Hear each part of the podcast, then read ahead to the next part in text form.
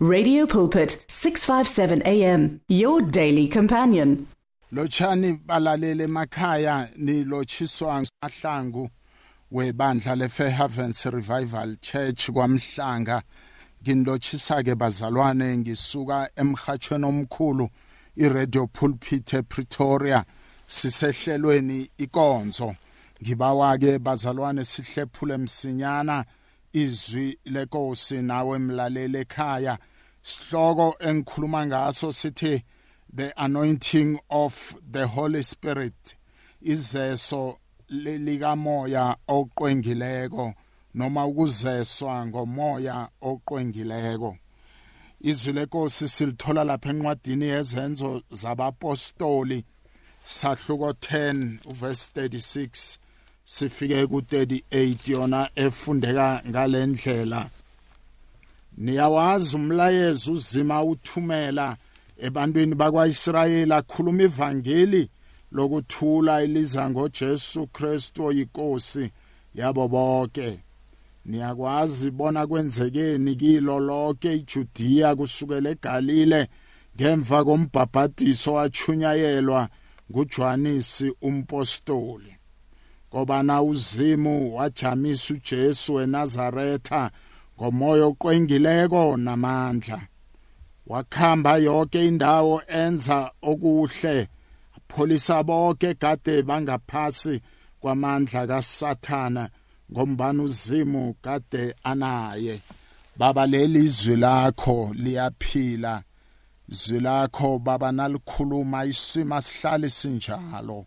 Khuluma ke baba ngezwi lakho namhlanje sikulalele khuluma ngathi uyathoma. Khuluma baba ngathi ngekhe usaphinda ukhulume. Khuluma baba impilo zethu zichuguluke khuluma baba impilo yethu ingasaphindi ifane.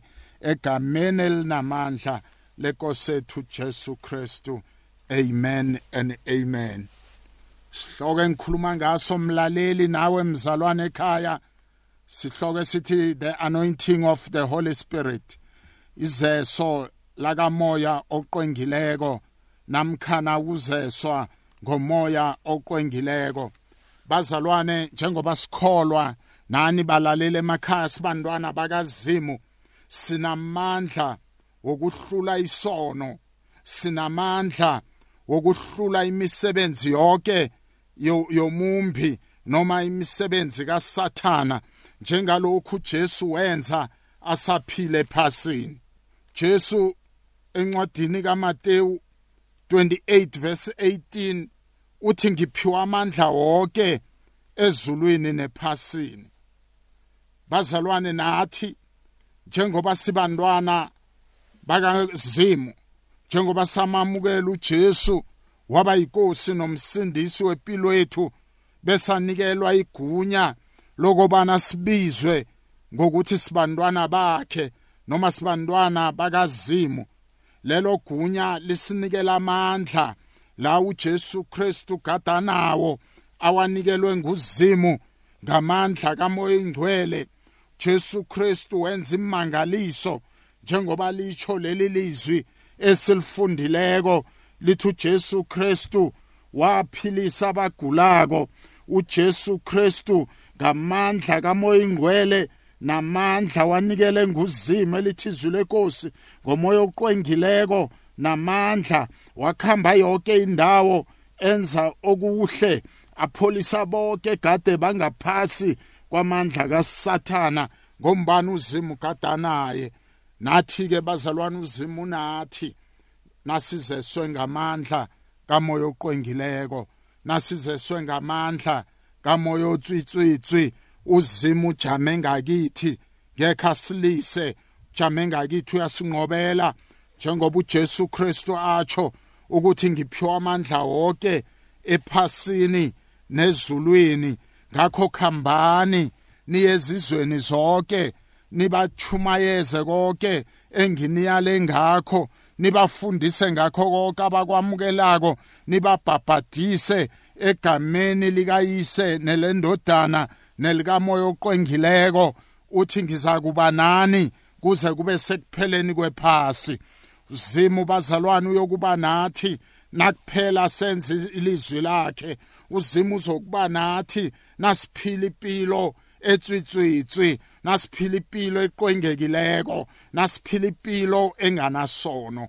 Umoya oqwengileko na uphezu kwethu namandla kazimu sinamandla wokuphula isono. Sinamandla wokugiriza imisebenzi yonke yomumbi usathane njengoba uJesu wenza. Jesu Kristu waqotshwa mamandla kamoya ingcwele waba namandla okwenza konke uzima ekade afuna ukuthi akwenze.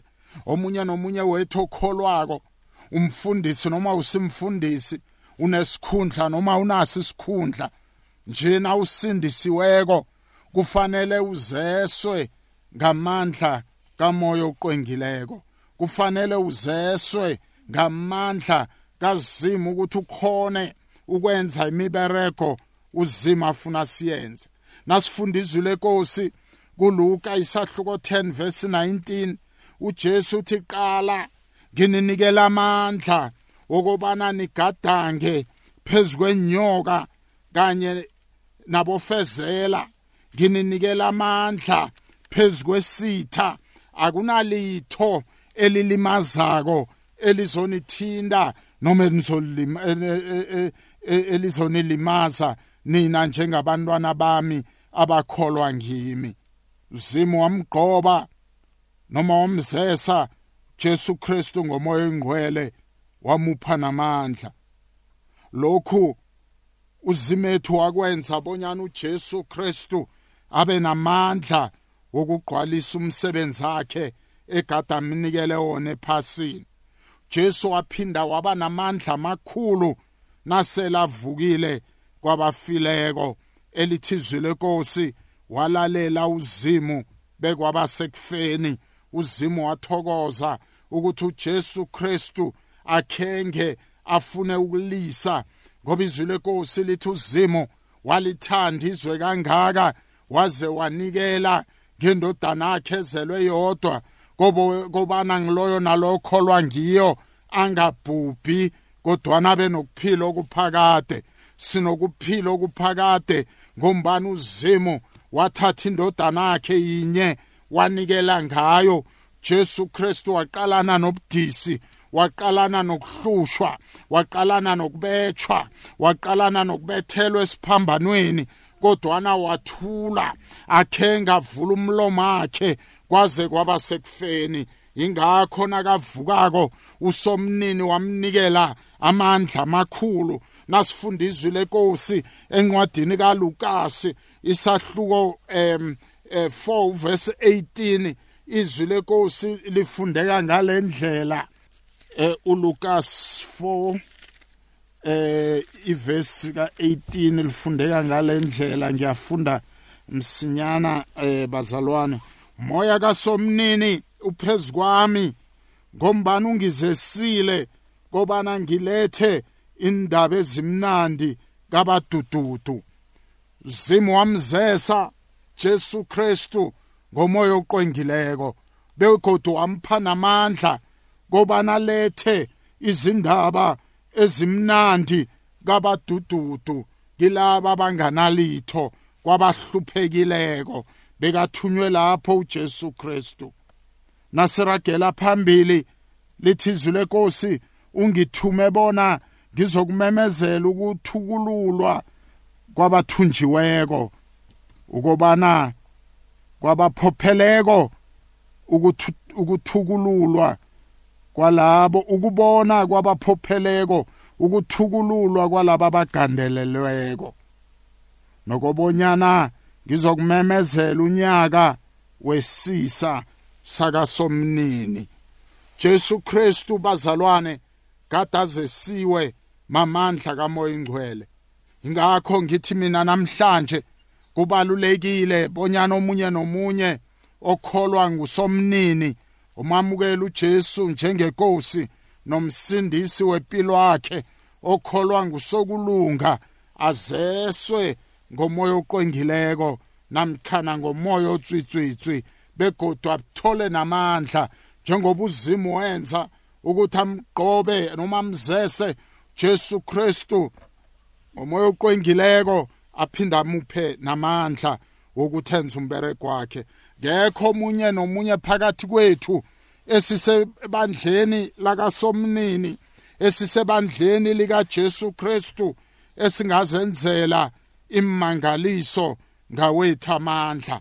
Nathi kufanele sizeswe njengoba inkosi yamakhosi Jesu Kristu gadazesiwe ngamandla kamoya ingcwele ukuze sikhone ukwenza imisebenzi emihle nemikhulu kasokulunga njengoba uJesu Kristu wenza kufanele sizeswe ngamandla kamoya oqwengileko kufanele sizeswe nangamandla vela kuzimu.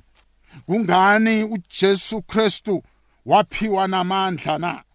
Waphiwa amandla bonyana sesephasini enza okulungileko waphiwa amandla wazeswa nangomoya oqwengileko kokobana aphilise laba abagulako achaphulule laba ababotshiweko achaphulule nalabo abagandelelwe ngusathane. Injongo ekulu kaJesu Kristu yokuze phasini apha wazela ukuthi bazalwane azokuphula imibereko yakasathane azokugiriza aphule imisebenzi emimbi kaSathane licho njalo izwi lenkosi na ufunda uJohn okthoma uJohane isahluko 3 verse 8 wazela abonyana azokuphula imisebenzi kaSathane ngoba uSathane usisoni kusukela kwekuthomeni njongo yokubana indodana yomuntu ize phasini yazela bonyana izokugiriza imisebenzi emimbi kaSathane Jesu Kristu sipha amandla sonke esimamukele njengenkosi nomsindisi ukubana sifane naye. Usiphile amandla wasizesa ngamandla kamoya ingcwele wasipha namandla wokuthi sigadange inyoka nabofezela. Wasinikela amandla ukuthi noma yini esiyithindako ingasilimazi. Jesu sinikela amandla ukubana sifane naye. Ngakho ke bazalwane ngoba sifana naye sinamandla wokuzichaphulula esonweni. Sinamandla wokumemezela ukuchaphuluka ezonweni kulabo ababotshwe sisono. Sinamandla wokuchumayela ivangeli likaJesu Kristu lokuthula ephasini lonke ngombana sizesiwe ngamandla kamoya ingcwele begodu siphiwe namandla avela kusomnini. Siyafana noJesu Kristu sinamandla wokugiriza imibereko emimbi kaSathane. Izwi lenkosi elithi loyo owenza isono akasiye ukazimu kodwana ungwakasathane. Jesu Kristu usiphila amandla wasizesa nangomoya oqwengileko kokobana senze okuhle siphilisa abagulako begodu simemezele ukuchaphuluka kulabo abagandelelwe ngusathane. Jesu Kristu siphamandla ukubana sisihlule isitha sethu usathane. Waze wasinikela namandla ukuthi usathana ngekhe asenze litho.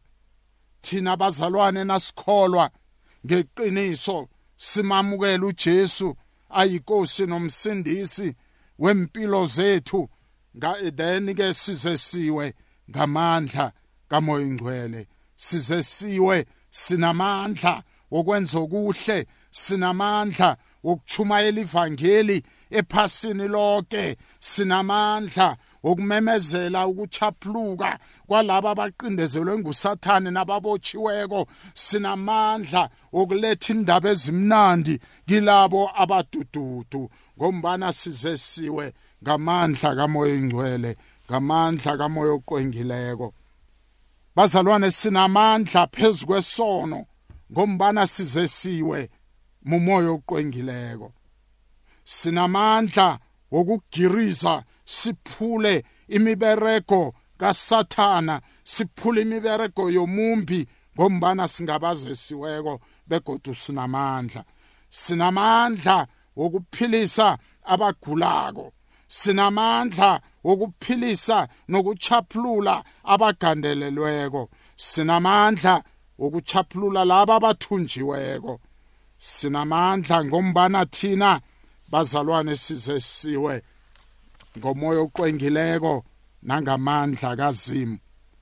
Iye asisiye umsindisi namkhana siye umesiya kodwana singabafundi bakhe. Ingabe umzalwane nawe emlalela ekhaya uzesiwe ngomoya oqwengileko na? Ngabe uyasihlula isono umzalwane namtshana uyayigiriza imbereko kasathane na? Wenza okuhle namlalela ekhaya nawe mzalwane? Ngabe uyabaphilisa na abagulako nabaqindezelweko? Uyazi bonyana ubizelwe ukwenza imisebenzi emikhulu kazimu na? Izwi lenkosi nasifunda lapha kuJohane 14 verse 12 Jesu Kristu uthi ngiqinisile ngithi kuwe na ukholwa ngimi imiberego le noma imisebenzi le engiyenzako na uzayenza begodu wenze emikhulu kunale ngoba ngiyakhamba ngiyakubaba. Wena uqotshiwe ngumoya oqwengileko wena unikelwe amandla wena ubekwe qadi wabekelwa imberege emkhulu kasokulunga mlaleli nawe mzalwane ekhaya. Ubekelwe isikhathi esifana naso lesi sokulwa nosathane sokulwa nemberege emimbi kasathane egqweleleli lizwe unikelwa amandla wazeswa bonyana wenza okuhle. Ngithi kuwe namhlanje qiniseka ukuthi ungozesiwe emlaleli ekhaya ungozesiwe mzalwane ekhaya. Khamba ngalogqobo onikwe lona Gideon. Khamba ngalawo mandla. Onikwe wona eh licho njalo izwi lenkosi. Nasifunda amahubo 133 verse 2 lithi qala kuhle kangangani? Lapho abakholwako bamunye kufana namafutha ehla ehloko kaAroni ehlela phasi esilevini sakhe afike emphethweni wengubo zakhe. Ngiyakhuleka namhlanje. Ngiyakhuleka nawe emlaleli ngikhuleka nawe mzalwane ekhaya ngikhuleka ukuthi namhlanje uzima kakuzese ngamandla kamoya oqongileko ngiyakhuleka namhlanje ukuthi lapha ekhaya ukhambe ngamandla kamoya ingcwele namandla kasokulunga. Ngiyakhuleka ukuthi uzimu akuberegisele imiberego emikhulu akubekele yona. Ngiyakhuleka namhlanje ukuthi ukholwe yinkosi uJesu bese na ungakholwa imibereko uJesu ayenza uyoyenza nawe begodu wenze nemisebenzi emikhulu.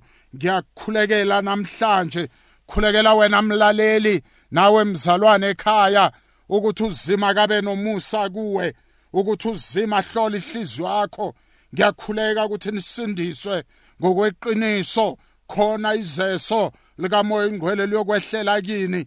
Ngiyamemezela namhlanje bonke abalizwako leli lizwi. Ngimemezela empilweni zenu ngiyinceku kasokulunga ngiyinceku kazimo ukuthi amandla kazima kehlele phezkwenu nenza imisebenzi emihle. Amandla azesa uJesu akehlele phezkwenu moya oqwengileke umoya otswitswitswi awunizese imberege emikhulu nemberege emihle gameni elinamandla Kristu amen and amen The words of the Lord are words of life Your heart is on 657 AM. 657 AM. Radio for believers in action.